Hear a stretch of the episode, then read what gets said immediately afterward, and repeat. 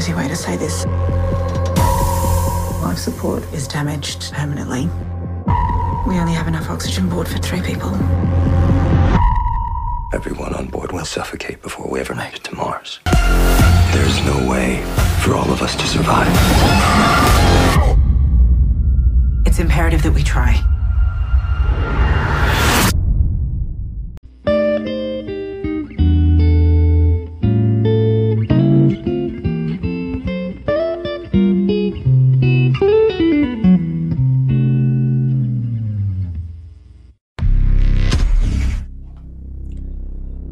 Hey, hey. Selamat bergabung kembali di channel BB69.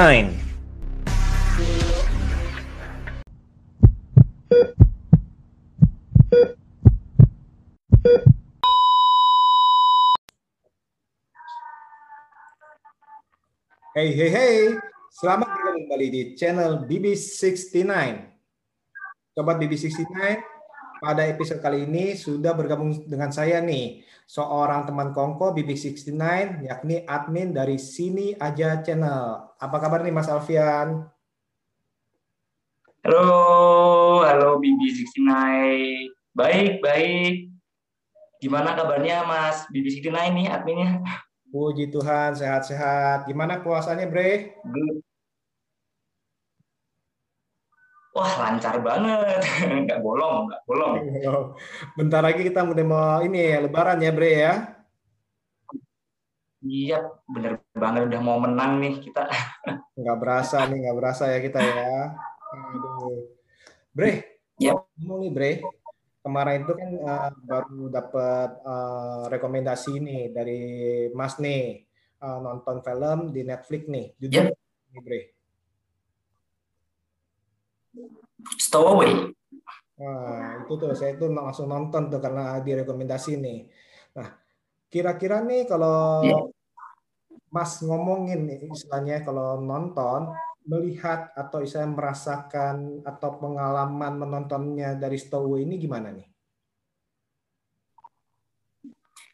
Eh, Stowaway ya. Eh, ini kan ditulis sama Joe Pena ya. Eh, film-filmnya itu, aduh aku lupa. Tapi eh, sebagian besar ketika aku nonton nih itu kayak ngerasa agak ngantuk sih, jujur. Karena ceritanya itu bisa dibilang agak flat gitu ya. Jadi kayak nggak ada tension naik turunnya yang apa istilahnya banyak. Jadi kayak kurang aja kayak biasa aja ngalirnya biasa aja gitu datar. Jadi ngerasanya agak bosan dan sedikit agak ngantuk di durasi dua jam itu kayak ngantuk gitu. Kalau dari Mas Setiawan sendiri gimana? Ya, kalau Stowaway itu kan kalau sebenarnya itu kan premis-premisnya itu kan kurang lebih kan udah pernah diangkat ya baik itu di Graffiti lah atau beberapa film lainnya nih. Dan memang sih kalau dari si Joe, Joe Pena ini kemarin kan kalau nggak salah dia sutradarain si Arctic juga ya kalau nggak salah ya. Nah, dia itu memang sepertinya Ya, ini kalau misalnya.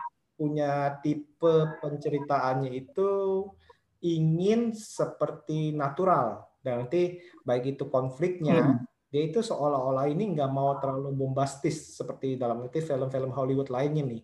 Dan saya menonton ini sih kebetulan sih saya sih enjoy enjoy aja sih. Tapi saya mengerti sih eh, di mana kalau banyak review-review yang merasa bosen ya dalam arti ya. Karena ya tadi itu dia ini sutradara ini seolah-olah ini ingin mengalir seperti seolah-olah eh, ini loh yang kejadian di kenyataan itu ya seperti ini. Nggak ada yang terlalu bombastis nih. Nggak terlalu naik turun emosinya dimainin. Harus ada yang nangis harus ada yang berantem harus ada istilahnya yang bunuh-bunuhan. Kan biasanya kan kalau film kayak gini kan wah ini kan soalnya gini kan ceritanya kan gini. Ada ceritanya ini kan eh, ada konfliknya gitu. Betul. Ceritanya Ada konfliknya jadi kayak eh, biasanya kayak harus dibunuh terus kayak ada biasanya kalau kalau yang ada remaja-remajanya pasti ada drama cintanya di dalam ada misalnya ada ya ada bumbu-bumbu bumbu-bumbu yang ya 18 plus biasanya kayak kalau kalau istilah kayak apa ya eh, mempertahankan hidup itu kalau misalkan di banyak biasanya kan eh, kayak film eh, gue belum nonton film Voyager tapi hampir sama kayak di luar angkasa bertahan hidup juga gitu dan setuju sih kalau apa namanya Stowaway itu seolah-olah dibikin natural. Kayak memang sebenarnya kalau uh, kita pergi keluar angkasa itu ya kayak gini. Nggak nggak ada yang hal-hal heboh kayak gitu. Nggak ada yang ada tembak-tembakan laser kayak atau gimana. Bener-bener kayak ngalir. Jadi memang yang ingin disampaikan sama Jopena itu memang gue setuju sih. Memang dibikin natural dan realistis istilahnya. Kayak ya kalau luar angkasa itu kayak gini. Nggak ada hal yang neko-neko nggak ada hal yang aneh-aneh dan yang dialamin di dalam kapal pun kayak gini sebagian besar di realitanya. Setuju sih setuju. Betul. Soalnya coba bayang ini uh, di ceritanya kan mengenai tentang misi ke Mars. Dalam arti hmm. di mana krunya itu ada tiga tapi ternyata itu ada sosok yang stowaway atau penumpang gelap lah tanda kutip ya yang ternyata itu jadi dari tiga menjadi empat. Sedangkan sebuah misi ini luar angkasa itu pasti memperhitungkan makanan memperhitungkan yang terakhir ini oksigen ya kan? Nah kalau di iya. film-film lain pasti ada wah ini uh, oksigen pasti nggak cukup nih. Gimana caranya? Wow pasti kan harus uh, saling curiga. Wah jangan-jangan nih mau bunuh gue nih. Jangan-jangan ini. Biasa kan konflik-konflik yang Hollywood ala Hollywood kan gitu ya. Terus kayak gitu. hmm. di, di apa ditegangin atau konfliknya aduh saya sedih nih melihat keluarga saya kakak saya saya kangen. Terus teringat kilasan masa lalu. Kan biasanya kan kayak gitu ya. Atau istilahnya uh, yang satu udah punya dia nginget masa lalunya. Gimana nih kalau istri anak saya uh, istri saya nih saya belum punya anak. Biasanya kan di kelas-kelas balikin tuh biar biar lebih melodrama ya. Tapi kalau di sini hmm. ternyata ternyata sang sutradara ini tidak mau mengambil seperti itu nih. Jadi bagi beberapa orang hmm. memang membosankan nih dalam arti. Tapi bagi saya saya melihat ini oh oke okay, mungkin ini maksudnya ini supaya tadi yang saya bilang itu bergerak secara natural nih dalam arti. Dan itu ternyata ya itu yang saya rasakan sih dan kebetulan saya bisa menikmatinya. Seperti itu. Jadi nah, bisa enjoy ya? Nggak nggak begitu merasa boring ya berarti? Maksudnya tetap bisa enak gitu nontonnya enjoy gitu kalau saya pribadi kemarin itu nonton itu cukup uh, cukup enjoy sih dalam arti uh, entah kenapa itu saya nggak merasa bosan sih dalam arti saya bisa menikmati uh, ruangan sempit itu dalam arti terus abis itu saya bisa nikmati dalam arti keindahan daripada uh, angkasa yang sederhana yang nggak terlalu misalnya nggak perlu neko-neko yang di apa dibagus-bagusin atau misalnya di dalam dikasih ya. Atau di dalam pesawat yang, yang biasanya kan angkasa kan di di apa dibagusin lah ya. Atau istilahnya uh, hmm. ruangan ruangan daripada pesawat tersebut yang kelihatan natural deh dalam arti dalam arti bukan kelihatan natural maksud saya kelihatan seperti ya membumi dalam arti ya. Nggak ada yang peralatan yang super canggih lah atau istilahnya ada hmm. artificial intelligence yang bisa robot ngomong-ngomong gitu istilahnya oh ini gini-gini ada gitu jadi dalam arti uh, saya melihat itu ada cukup membumi dan kebetulan saya menonton itu entah kenapa saya sih enjoy enjoy aja sih seperti itu. Nah, tapi berkebalikan sama saya ya, hmm. karena ini nih karena uh, mungkin karena ada beberapa plot nih yang kayak agak ganggu. Jadi hmm. misalkan nih uh, seingatku itu kan itu kan ada STOW kan, ada penumpang gelapnya. Hmm. Itu kan ada di atas tuh, kan dia tuh kayak kayak tiba-tiba kan ada darah jatuh terus kan itu dia terkunci kan itu di atas nah itu kenapa dia terkunci di situ terus dan nggak ada kilas balik masa lalunya misalnya kayak kenapa dia terkunci di situ jadi kayak bener-bener kayak kenapa dia tiba-tiba di situ terkunci dan berdarah dan sebelumnya itu kayak nggak ada orang yang nyadarin kalau dia masuk di situ. Itu agak-agak ganggu. Sebuah plot yang jadinya kayak kurang ngalir dengan pas lah kayak agak dadak aja gitu. Tiba-tiba langsung ada di situ penumpang gelapnya. Dan dan benar-benar dari dari tiga orang itu tiba-tiba jadi empat orang yang secara kayak dibuat buru-buru kayak dadakan aja tiba-tiba muncul di situ pas lagi udah mulai ngalir tuh udah mulai tenang perjalanannya dimasukin konflik. Ya mungkin untuk premisnya memang sebenarnya bagus. Uh, ada ada penumpang gelap tapi ya itu sih. Jadi kayak uh, agak ganjil di hati juga jadinya sama uh, kan tadi udah uh, dibilangin kan kayak ada konflik-konflik. Misalkan kayak harus ada persediaan oksigen, terus juga uh, ada backupan yang lain. Terus kalau misalkan uh, itu oksigennya uh, habis, harus ada pengorbanan nih, harus dibunuh atau enggak. Nah di sini kan yang aku lihat itu uh, ada uh, anak Hendrik kayaknya jadi yang paling menonjol ya di sini ya anak Hendriknya ya. Dia itu kayak bener-bener ngebelain si penumpang gelapnya ini dia benar-benar kayak nggak usah dibunuh dan si komandannya pun itu kayak dia tuh uh, bener-bener nggak mau balik ke bumi gitu. Kalau kita lihat secara realistis ya, kan itu uh, penerbangan ke Mars itu udah banyak ya. Nggak nggak cuma dia doang yang berangkat, nggak cuma tim itu doang. Kan udah dilihatin juga tuh di, di pas mereka datang di kapalnya itu ada banyak tanda tangan kan. Jadi kan kayak kalau misalkan memang benar-benar mau nyelamatin nih penumpang gelap bisa banget untuk balik dan istilahnya gagalin gitu karena kayak uh, maksa banget mereka pergi dengan backupan segitu dan kayak ego ego mereka masing-masing uh, khususnya untuk egonya yang si David Kim ya yang si cowoknya itu dia kayak udah berusaha keras untuk uh, apa namanya udah dari dulu mati-matian untuk berangkat pergi ke Mars sampai akhirnya terpilih dan dia kayak nggak mau uh, gagal dan pulang. Makanya itu ada konflik di situ sih. Jadinya uh, tapi sayangnya kurang dimaksimalin dengan baik sih. Dan saat itu juga uh, apa ya uh, benarnya aku banyak pikiran jadinya ya. Uh, mana banyak, banyak paling banyak ngomong. Itu tuh ada uh, ada satu lagi uh, ada konflik konfliknya itu posisinya si David Kim. Si David Kim itu ngomong sama anak Hendrik dan dia mau istilahnya kan uh, ada tabung uh, persediaan tabung yang di atas uh, yang di langit kan yang di bagian pesawat yang eh, yang lain. Ya nggak? Yang ada nggak sih? Ada betul. Yang di tabung tabung oksigen yang di luar di luar pesawat mereka tapi masih nyambung hmm. Hmm. itu kan udah mau bilang itu gimana cara apa udah bilang ke komandannya itu uh, bilang komandannya katanya gimana kalau kita ambil persediaan tabung oksigennya di atas aja itu udah pertengahan-tengahan tuh dan di situ tuh nggak langsung uh, mempertaruhkan si penumpang gelapnya untuk naik ke atas, tapi harus muter-muter dulu biar hingga akhirnya nanti baru penumpang gelapnya ke atas terakhir, tapi malah jadinya nggak jadi. Ya itu kayak beberapa hal yang ganjel sih. Makanya aku kayak rasa kurang enjoy aja nontonnya.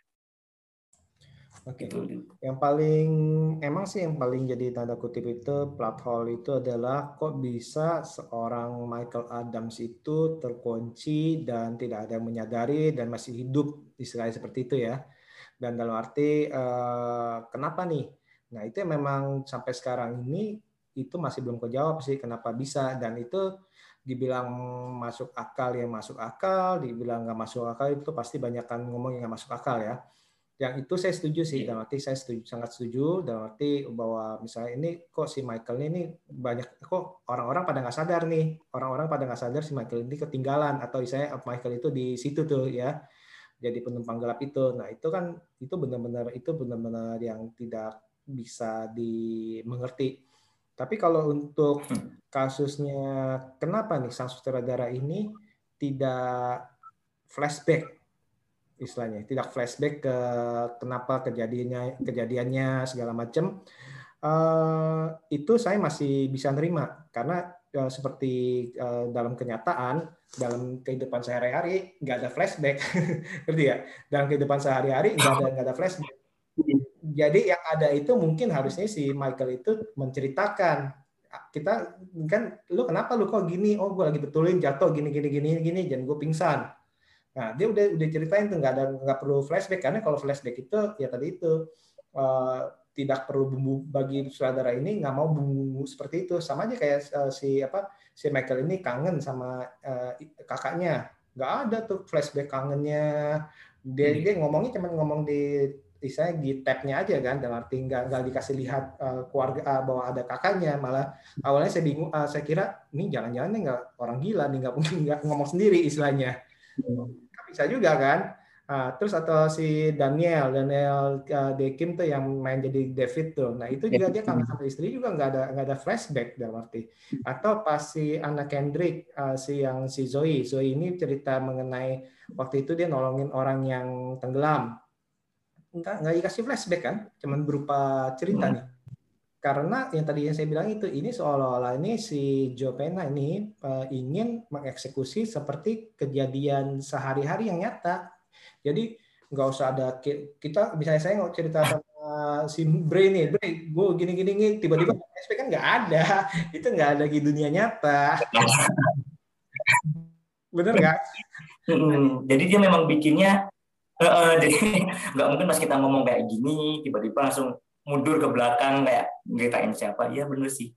Jadi nah. memang dia uh, dibikin natural ya memang dibikin uh, istilahnya kayak nggak nggak nggak ada sangkut paut ke belakangnya yang di, dilihatin bener-bener kayak yang ada di situ ya ada di situ. Yang hmm. terjadi di situ yang terjadi di situ. Nggak perlu nyatuin yang mereka ditampilin perlunya ya udah diceritain aja dan kita paham gitu ya kayak gitu ya jadinya ya hmm. yang dimaksud Jopena di sini kan kayak gitu kan berarti Betul. yang ingin disampaikan dia ditulis dalam karyanya ini. Oh, gitu.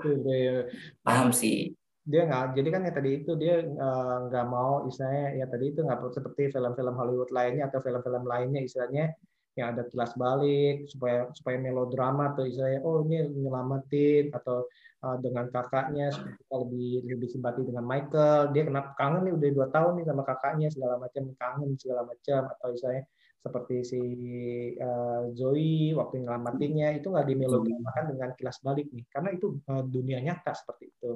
Nah mengenai konflik nah apa kenapa nggak langsung ambil aja kan tadi itu uh, si, si apa uh, si komandernya itu si Marina ya Marina uh, Marina itu dia itu kan meminta itu mm. coba deh ini nih alganya ini uh, dibikin oksigen deh istilahnya kan yang akhirnya itu malah malah mati malah gagal semua kan. Itu uh, tadi itu saya yang menyangkal bahwa apa si David itu bukannya uh, orang yang yang egomaniak dan nggak mau Ego. mau kalah sendiri dia ini sudah mengorbankan penelitian dia nih. Ini penelitian dia ini udah kacau udah habis udah udah nggak ada artinya lagi nih. Karena penelitian dia itu alganya itu harusnya kan uh, banyak tuh. Akhirnya kan setengahnya udah udah udah habis. Kan artinya kan dia kan sudah mengorbankan diri kan, yang seperti itu. Nah terus kenapa itu bisa terjadi? Ya tadi itu balik lagi eh, kita menempatkan diri sebagai Copena ini melihat konflik ini ya sebagai komandernya dia akan ngomong ya udah kita kasih waktu deh 10 hari nih 10 hari kita coba plan E, plan B, plan C kita minta ke bumi uh, uh, ada ide apa Terus oke, okay, David kamu itu nampak, coba deh buat oksigen gini-gini. David bilang oh nggak bisa gini-gini. Udah pokoknya coba deh buat dulu deh. Nah, supaya uh, karena kalau ke keluar itu kan resikonya kan beresiko, sangat beresiko tinggi untuk uh, nyawa daripada penumpang lainnya. Kenapa kita nggak mencoba? Nah ya itu ya yang yang yang ada dulu nih. Ini sih kalau menurut saya nih. Terus yang pertama si komandernya ini kan tangannya patah istilahnya kesleo bukan kata lah kesleo ya yang baik gitu. Nah si Michael ini uh, udah mencoba mencoba naik-naik itu gagal karena dia nggak ada latihan sama sekali. Si David uh, bisa cuman ya itu tadi itu orangnya mabok kan ini juga aneh juga nih kok jadi astronot bisa mabok udara sih. yang pasti itu kan dia muntah kan itu kan. Nah itu salah satu kenapa dia pas latihan nggak gagal di awal karena mabuk kenapa bisa ter, apa kualifikasi masuk seleksi gitu. Iya salah satu plot juga sih yang nah, ada ganjel gitu. Saya masuk akal sih dalam arti gini. Uh, kita latihan nih, latihan simulasi kita merasa itu latihan.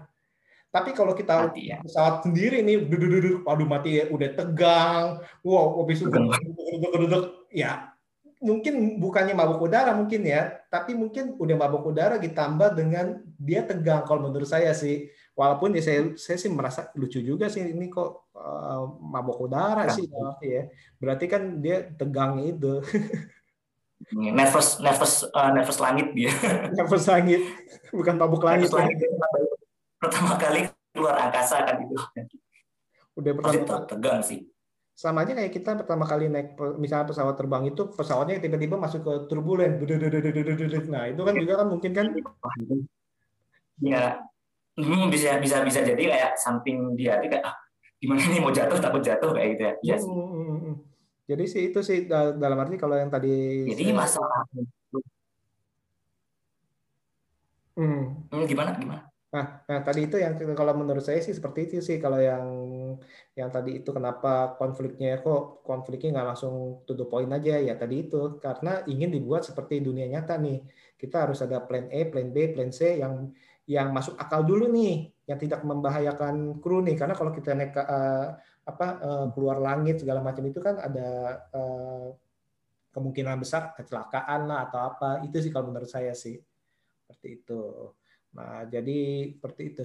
Nah, nah tapi uh, sayangnya, sayangnya banget nih, audiens itu kayak lebih mengharapkan kalau film luar angkasa ya balik lagi ke ala-ala Hollywood yang ada aksi-aksinya, yang ada tension-tensionnya. Jadi kayak yang aku rasain kayak kenapa nggak langsung aja? Kan itu langsung lebih kayak udah ngorbanin si penumpang gelap. Nah itu yang diharapkan sebagian besar sama audiens yang nonton. Makanya kenapa mereka sebagian besar reviewer juga mikirnya kayak boring, flat, konfliknya nggak terlalu banyak, dan istilahnya kayak kok lama untuk menuju ke sana tuh lama.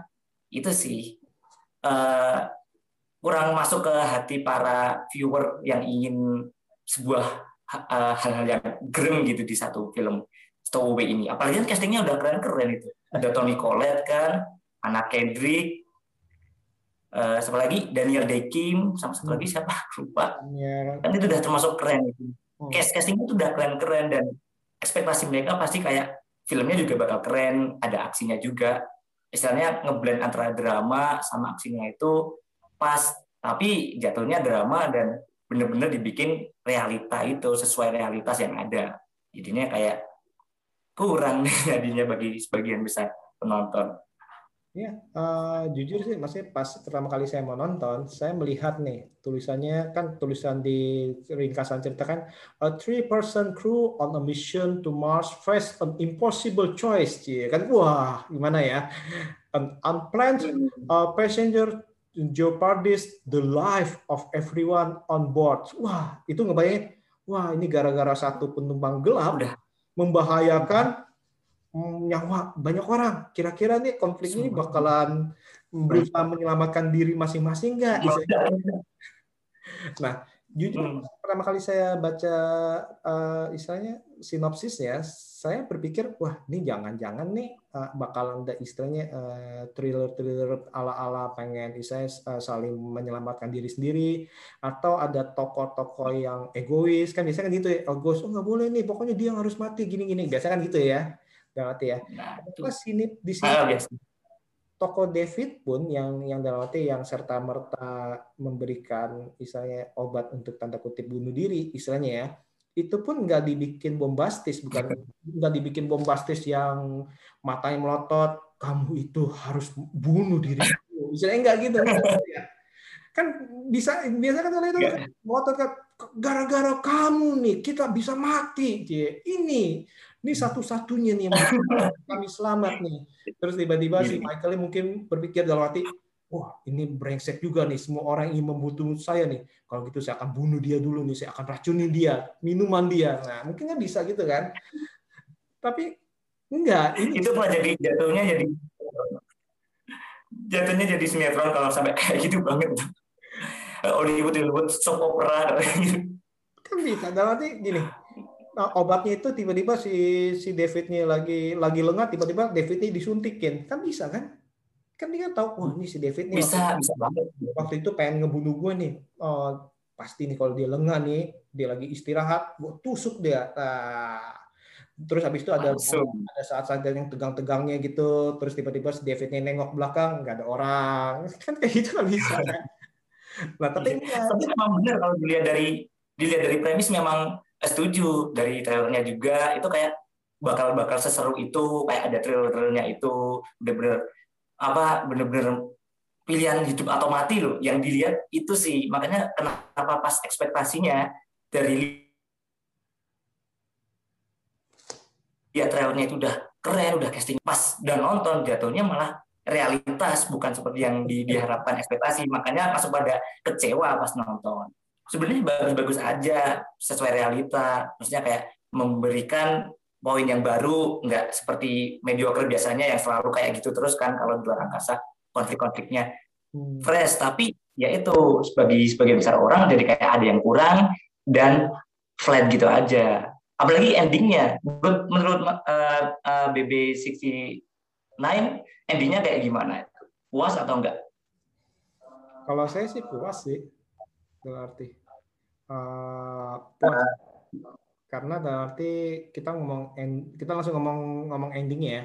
Kalau menurut saya puas sih karena dalam arti uh, si Zoe-nya itu ya emang menjadi dirinya dia sendiri. Dalam arti inilah yang yang tadi saya bilang uh, yang uh, yang ingin saya bilang itu sebenarnya ini di sini akan diperlihatkan bahwa seseorang akan menjadi dirinya sendiri uh, misalnya menampilkan uh, dirinya sendiri itu di kala ya tadi itu nih di ujung-ujung tanduk nih. Dan si si nah. ini ternyata ini punya jiwa yang seperti itu.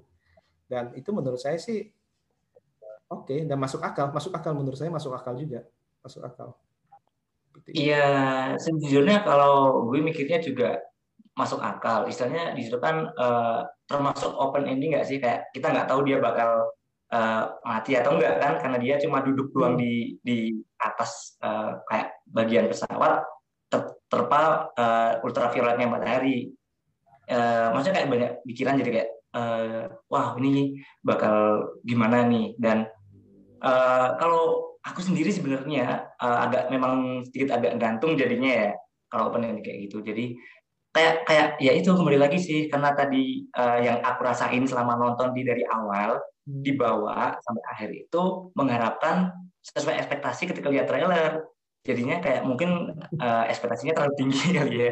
Jadinya kayak agak ngedrop gitu dan endingnya kayak gitu jadinya tambah kecewa lagi. Tapi ya itu kalau gue lihat dari poin uh, kayak BBC Tina tadi bilangnya tentang naturalisasi uh, naturalisasi realitasnya yang ingin ditampilkan sama Jupena dalam penulisannya yaitu gue setuju dan memang itulah hal yang terjadi di di di hal nyatanya dan dia benar-benar nunjukin dirinya dia eksistensinya dia, istilahnya kayak jati dirinya dia ketika di ujung tanduk suatu masalah. Dan mungkin mungkin kalau dari segi uh, penyampaian ceritanya dari Jopina itu kalau bagi yang menerima dan nangkep film ini ya mungkin kayak BBC P9 ini bakal istilahnya nggak nggak kurang jatuhnya bagus gitu. Tapi kalau sebagian besar orang ya ingin menikmati film ini dengan istilahnya ada hiburan dan konfliknya jadinya ya itu sih kecewa sih. Agak kurang sih jadinya. Nah itulah. Dalam arti eh, ini plus minus sih mas. Dalam arti bagi mereka yang merasa ini harusnya ini bisa menjadi uh, film suatu film yang lebih drama bisa ini seharusnya bisa hmm. menjadi film yang lebih thriller bisa ini harus bisa menjadi lebih rasa horor bisa ini bisa lebih rasa campur aduk bisa juga Cuma ya dalam arti ini keputusan daripada sang sutradara dan juga sang penulis. Penulisnya kan juga mereka juga Pina sama satu temannya itu yang sering nulis bareng tuh ya. Nah si mm -hmm. Nah, itu juga maksudnya uh, emang kalau dilihat uh, jejak rekamnya emang mungkin tipe-tipenya seperti ini nih dalam arti mereka. Dan tipe-tipe masing-masing sutradara kan biasanya kan kita kan udah bisa kebaca tuh ya dari dari jejak rekamnya. Dan mungkin ya karena ini skenario mereka yang buat juga ya jadi akhirnya itu ya ya sesuai dengan ekspektasi mereka. Nah seperti itu sih nah kayak soal, soal apakah dia meninggal apa enggak itu juga sampai sekarang pun uh, kayaknya sang sutradara juga nggak ngasih tahu nggak ngasih tahu. Cuman kalau kita cuman lihat aja oh ini uh, pakaiannya udah kebakar terus abis itu si Zoe-nya itu udah terkena radiasi kebakar di mukanya segala macam ya mungkin mungkin istilahnya kalaupun dia masuk dia juga umurnya nggak bakal panjang.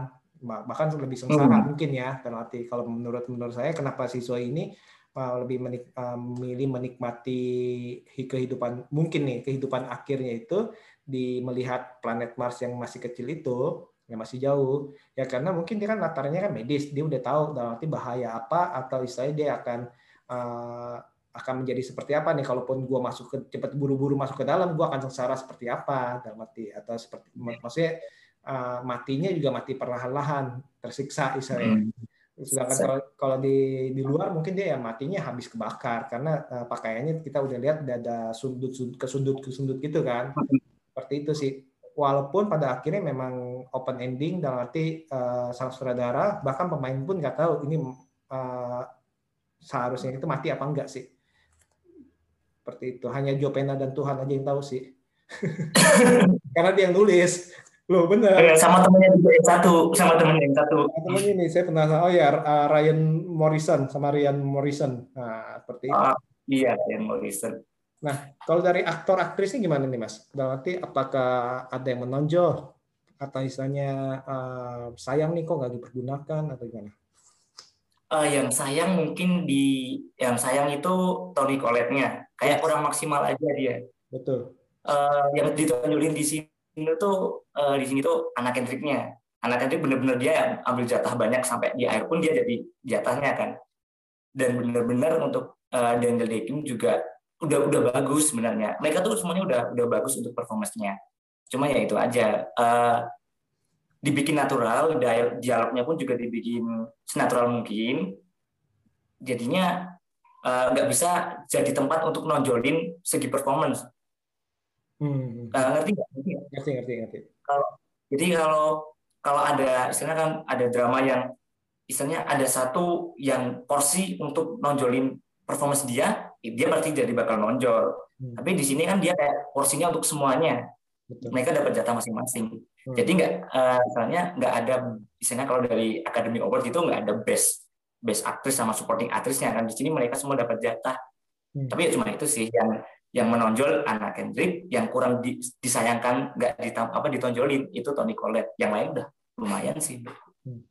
Kalau yang pertama itu saya setuju uh, si Tony Collette itu tidak dipergunakan secara maksimal ya. Mungkin karena memang natural lah dalam arti uh, seorang pemimpin tapi natural. Biasanya kan kalau uh, di film-film fiksi, science fiction lain kan pemimpinnya itu kan agak-agak uh, kolerik, agak-agak gimana ya istilahnya kelihatannya. Tapi di sini kok lebih ke arah tenang, misalnya seperti ya seperti biasa-biasa aja, walaupun dia marah maupun apa, dia kayaknya biasa-biasa aja tuh. Emang kurang dimaksimalkan, tapi dengan alasan ini untuk tanda kutip naturalisasi tadi Mas bilang ya. Naturalisasi Mas yang bilang nih. Nah itu itu uh, jadi kita bisa mengerti. Uh, kebalikan dari Mas yang justru apa yang saya uh, sangat suka penampilannya itu adalah yang itu si Samir Anderson ya si Michaelnya di sini ini kita bisa lihat nih uh, dia ini berbagai macam istilahnya uh, emosi dimainkan dari dia pertama kali kebingungan, ketakutan, uh, baru sadar, terus habis itu dia bahagia, bahkan yang ngomongin soal jazz tuh, ini musik apaan sih nih? Kok kayak gini sih? Berantakan banget. Misalnya atau bercandain apa oh yang Bird ini, oh pemain basket ya. Oh bercanda bercanda gue. Nah itu dia dari mimik wajahnya sih menurut saya sih itu dia benar-benar bisa natural sekali nih. Sampai adegan dia dikasih tahu lu harus mati. Soalnya kalau enggak lu membahayakan kita semua. Nah di situ dia hancur lulunya ini nih si Samir Anderson ini ini saya pribadi bisa melihat nih dan itu justru yang menurut saya ini uh, dia ini paling menonjol nih kalau Daniel Day Kim kan kita udah tahu lah nanti dia main juga uh, udah di Lost segala macam udah udah atau Hawaii Five O ya nah itu udah uh, udah udah udah tahu lah kita nah terus mengenai Anna Kendrick ya siapa sih yang istilahnya ini kan pemanis banget ya dalam arti ya ya kita kan juga iya kayak siapa yang nggak ini karena enak Kendrick kayak si Brave channel ini sini aja channel kan dibilang ya siapa sih yang nggak nggak sama anak Kendrick kan nah tapi uh, justru saya pribadi ini agak menyayangkan si anak Kendrick ini bukannya jelek mainnya tapi dia tidak berkembang dari peran-peran yang sebelum-sebelumnya itu baik itu di Pitch Perfect ataupun peran-peran di film sebelumnya itu kalau saya lihat di sini saya masih melihat sosok anak Kendrick bukan sosok Zoe. Seperti itu. Itu kalau saya pribadi nih. Jadi uh, yeah. dari cara ketawanya, dari cara nada ngomongnya, itu nada nada ngomong seorang anak Kendrick bukan seorang Zoe. Nah, itu dia nih. Nanti bukan berarti aktingnya jelek, tapi saya yang saya sangat sayangkan adalah uh, dia ini tidak berkembang aktingnya nih dibandingkan uh, dengan film-film sebelumnya. Itu kalau saya seperti itu. Yeah ya uh, kalau untuk yang terbaik istilahnya yang menonjol siapa sih Michaelnya ini ya gue juga gak lihat untuk mimiknya. Memang dia yang paling dapat porsi emosional dari yang bingung sampai kangen ke anaknya ke putrinya sampai dia apa ada keputusan dapat obat mati terus telepon gitu. Dapat sih. Emang emang emang emang dapat sih. Dan ya setelah dilihat-lihat ya gue setuju sih kalau memang anak Kendrick jadi kayak bukan Zoe di sini. Jadi dia dia nggak nggak dapet uh, masuk ke perannya Zoe. Dia jadi kayak anak Kendrick aja meranin anak Kendrick aja di sini meranin Zoe. Hmm. bukan pure dia jadi kayak Zoe di sininya gue setuju sih. Itu sayang sih itu saya pribadi kan suka nontonin film si anak Kendrick tuh. Dan dia emang orang berbakat tapi saya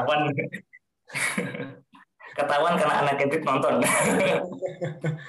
karena ya, saya kan uh, dia kan musik uh, untuk main musikal dia oke, okay. main uh, main action komedi oke, okay. dalam arti seperti itu. Dan ini kebetulan nih film pertamanya science fiction nih, science fiction yang ya. serius dalam arti harus ini jadi tempat pembuktian nih. Saya berharap nih, benar-benar berharap nih dia ini bisa menaikkan level nih. Gak taunya itu ya actingnya itu ya sayang ini mungkin dia harus diberi kesempatan lagi seperti ini. Padahal ini termasuk santai sih dan nanti termasuk yang nggak perlu yang watak-watak banget sih sebenarnya kalau di film ini karena naturalisasi banget yang tadi Mas bilang. Naturalisasi itu. Hmm. Hmm. Jadi iya sih Tony Collette sama anak Kendrick akhirnya jadi kurang dimanfaatin dengan maksimal hmm. dan kesempatan anak Kendrick untuk membuktikan performance-nya dia padahal ini udah istilahnya uh, performance-nya yang dibutuhin di sini tuh nggak bertele-tele nggak berat banget Uh, santai gitu, Betul. tapi kurang dimaksimalin. Hmm. hmm. Sayang aja ya. Hmm. Nah, mengharapkan. Kalau dari film Stowaway ini pesan yang Mas Bre apa uh, dapat apa nih? Kalau setelah nonton film ini? Uh, kalau sebelum ngobrol dengan BB69 ya, itu ya itu jadi awalnya flat, boring dan kayak ya kita di sini cuma kayak uh, apa sih lihat bertahan hidup mereka dan uh, konfliknya pun perlahan dan kayak uh, juga sedikit agak karena mungkin karena kurang itu ya ada ganjel di hati jadinya kayak belum dapat pesan atau kesan yang masuk sampai sini. Jadi kayak oh ya udahlah gitu kayak nggak dapat apa-apa yang berarti banget gitu nggak dapat apa-apa gitu. Tapi setelah ngobrol kayak gini ya uh, uh, sebenarnya ya jadinya memang oh iya memang yang aku dulu pikirin itu mungkin apakah memang Jopenanya bikin naturalisasi ya karena pengen dibikin natural banget. Ya istilahnya yang ingin disampaikan adalah bahwa sebuah film luar angkasa itu nggak harus selalu yang penuh action ala-ala Hollywood pada biasanya. Tapi uh, inilah realitas sebenarnya kalau berangkat ke luar angkasa itu kayak gini. Itu sih yang aku dapetin setelah ngobrol bareng kayak gitu tapi pas endingnya itu pas si apa si Zoe-nya lagi menatap gitu tiba-tiba ada Captain Marvel gitu ya terbang. Kayak di film apa? Pas Iron Man lagi sekarang tiba-tiba ada Captain Marvel. Itu itu benar-benar jadi random sini jadi random sih sumpah. Aduh. Atau ada makhluk beda ini. Makhluk Mars. Itu beda universe berarti Oke oke oke. Jadi jadi mata sama DC dan. Iya. Nah kalau saya tapi ya sih mungkin uh, kesannya bagi sebagian banyak orang dan mungkin aku yang rasa aja ya itu kayak kurang aja dapatnya kayak flat aja nggak begitu banyak dapat dan kayak mungkin jadi kayak ditinggalin aja pas tengah-tengah karena kayak terlalu lama aja padahal bisa kalau bisa mungkin konfliknya agak disempitin dikit itu durasinya bisa di pendekin dikit satu setengah jam mungkin. Itu mungkin bisa lebih enak ya. Naturalisasinya itu lebih mungkin bagi orang-orang yang suka entertaining bakal dikit lebih suka maksudnya kayak begitu boring banget. Hmm. tapi karena ini dua jam kan. Dua jam nggak sih durasinya? Dua jam ya? Durasinya dua jam. kurang kurang hampir dua jam ya? Ah 115 betul. Dua jam kurang empat menit. Nah itu terlalu lama sih bagi orang-orang yang Eh, mencari film luar angkasa apalagi sudah dijanjiin sama trailernya yang premisnya pun juga bagus gitu. Itu sih yang aku dapetin, yang aku rasain kayak gitu. Ya tadi saya hampir lupa kalau mengenai CGI atau tata kameranya gimana Mas? Dawati. Uh... Oh, uh, nggak terlalu muluk-muluk ya dia dari awal aja nggak nge-shoot kapalnya dari luar, tapi di dalam apa kabin kapalnya cuma dari uh, sudut pandang mereka gitu lihat luar angkasa yang wow luar angkasa kayak gitu sinematografi untuk CGI-nya itu juga nggak terlalu uh, menggunakan special effect yang banyak ya karena dibikinnya natural. Tapi yang aku pernah baca itu katanya hitung-hitungannya untuk pergerakan kayak langitnya, luar angkasanya, bintangnya itu katanya sesuaiin sama sains asli. Jadi kita kayak beneran uh, setelah aku baca-baca jadi kayak tahu oh berarti yang aku lihat ini itu pergerakan luar angkasa yang sebenarnya kayak gitu. Hmm. Jadi untuk CGI nggak nggak banyak nggak banyak nggak muluk-muluk kan kayak di Marvel pas hmm. pergi ke luar angkasa hmm. kayak Thor gitu yang di di langitnya sampai warna-warni kayak gitu enggak di sini benar-benar ya itu yang ditampilin kayak Jopena inginkan uh, performance-nya natural, ceritanya natural, CGI-nya pun juga natural. Hmm. Ya, jadi istilahnya uh, kesimpulan itu baik itu uh, CGI-nya atau sinematografinya itu uh, ibaratnya seperti kita nonton dokumenter kali ya seperti itu ya. Jadi istilahnya natural dalam arti nggak ada sesuatu yang menghebohkan istilahnya pergesekan daripada apa atmosfer pesawat dengan atmosfer itu nggak nggak terlalu di istilahnya nggak nggak terlalu diperlihatkan.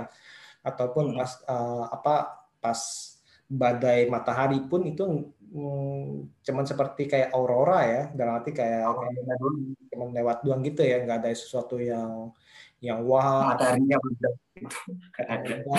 ataupun misalnya pas kena ke orang itu kebakar panas panas itu enggak ada masuk neraka panasnya masuk neraka hmm. ya itu dibikin natural itu sesuai keinginannya Jupina tadi hmm. Hmm. Hmm. jadi memang udah jadi ini uh, overall nih uh, film Stowaway ini mungkin bukan untuk uh, semua orang nih atau bukan untuk semua hmm. penonton nih dan istilahnya bagi hmm. mereka yang mengharapkan sebuah film science fiction yang bombastis, istilah yang konfliknya istilahnya wah, istilahnya atau aksi, atau bahkan ada aksinya atau bahkan uh, istilahnya usaha menyelamatkan dirinya itu yang terlalu wah banget lah istilahnya atau yang terlalu mencekam segala macam itu itu mungkin nggak cocok nonton film ini nih. Karena ketegangannya pun itu dalam arti ya dibuat secara natural. Dikejar-kejar dengan waktu dikejar-kejar dengan cahaya apa eh, badai matahari. Terus jatuhnya misalnya kalau dia jatuh segala macam itu nggak terlalu ada sesuatu yang gimana. Tapi kalau mereka yang merasa ingin menonton sesuatu nih science fiction yang berbeda di mana itu seolah-olah ini Eh, dibuat secara natural, secara istilahnya eh, konfliknya juga seperti konflik di dunia nyata, mungkin nih baru bisa menikmati nih. Jadi jangan terlalu berharap sebuah istilahnya sebuah film science fiction yang tadi itu bombastis gitu. Gimana Mas? Kalau menurut Mas gimana Mas? Ya itu. Ya, kalau mau nonton ini ya jangan berekspektasi tinggi dulu, jatuhnya kecewa saya. Dan uh, itu benar kalau yang suka uh, natural misalnya kayak pengen hal yang baru tonton Stowaway. Kalau pengen yang uh, istilahnya yang bombastis cerita luar angkasa bombastis ya jangan nonton Stowaway. Nanti malah jatuhnya ya bosen ada yang kurang kelihatannya flat. Mending nonton uh, superhero yang yang di luar angkasa kayak Thor kan yang tadi. Mungkin dia mungkin Thor pas lagi di air filmnya nyelamatin anak Hendrik kan bisa jadi bisa bisa bisa. Bisa. Atau tiba-tiba keluar Doctor Strange gitu ya. Multiverse. Nah uh, ada Dormammu di situ. Dormammu Dormammu. Dormammu lagi. Dormammu ulang-ulang gitu. asal yang kita bakar terus. Ya kita mau Mephisto. Malah jadi malah jadi ngomongin Marvel iya soalnya ini uh, ngomongin Marvel karena kemarin itu baru Phase 4 baru diumumin ya jadi ya kurang lebih masih masih seger lah diingatan kita nih Phase 4 nih. Oke okay, iya. oke okay. Mas thank you banget nih Mas Alfian nih menjadi teman Kongko BB69 untuk saat ini nih Mas. Mas kalau misalkan kalau kita ingin melihat istilahnya baik itu IG ataupun uh, konten di YouTube daripada sini aja channel ini gimana nih Mas? Ke mana? Oh, caranya gampang banget. Tinggal klik di pencarian di YouTube, oh, cari aja sini aja. Atau enggak, misalkan uh, ada ada series atau film baru, tinggal cari aja judul filmnya, tambahin sini aja. Udah pasti muncul reviewnya sini aja. Hmm, Dan bisa juga mampir di Instagramnya juga di sini aja channel, Facebooknya sini aja channel, dan Twitternya sini aja channel. Oh sama. Sini aja ya, sini saja, tapi aja. Sini aja, anak gaul, nggak baku. Yang terakhir ngebahas uh, Jupiter Legacy ya di channel YouTube-nya ya, baru baru tadi ya, baru hari ini ya. Hmm. Jupiter Legacy. Oke oke sekali lagi thank you banget nih uh, Bre, uh, terima kasih. Lain kali misalkan kalau ada kesempatan lagi kita apa ngobrol-ngobrol lagi film-film yang lain nih baik itu serial maupun uh, film satuan ya. Mm Boleh banget. Tinggal aja langsung hubungin kontak sini aja. Oke oke dan untuk Pak Sobat BB69 jangan lupa juga untuk mendengarkan episode-episode kami uh, yang selanjutnya maupun yang sebelumnya nih karena mempunyai uh, tema-tema yang berbeda. Sekali lagi terima kasih untuk para sobat BB69 dan teman koko kami nih uh, sini aja channel dan sekali lagi terima kasih dan see you. See you.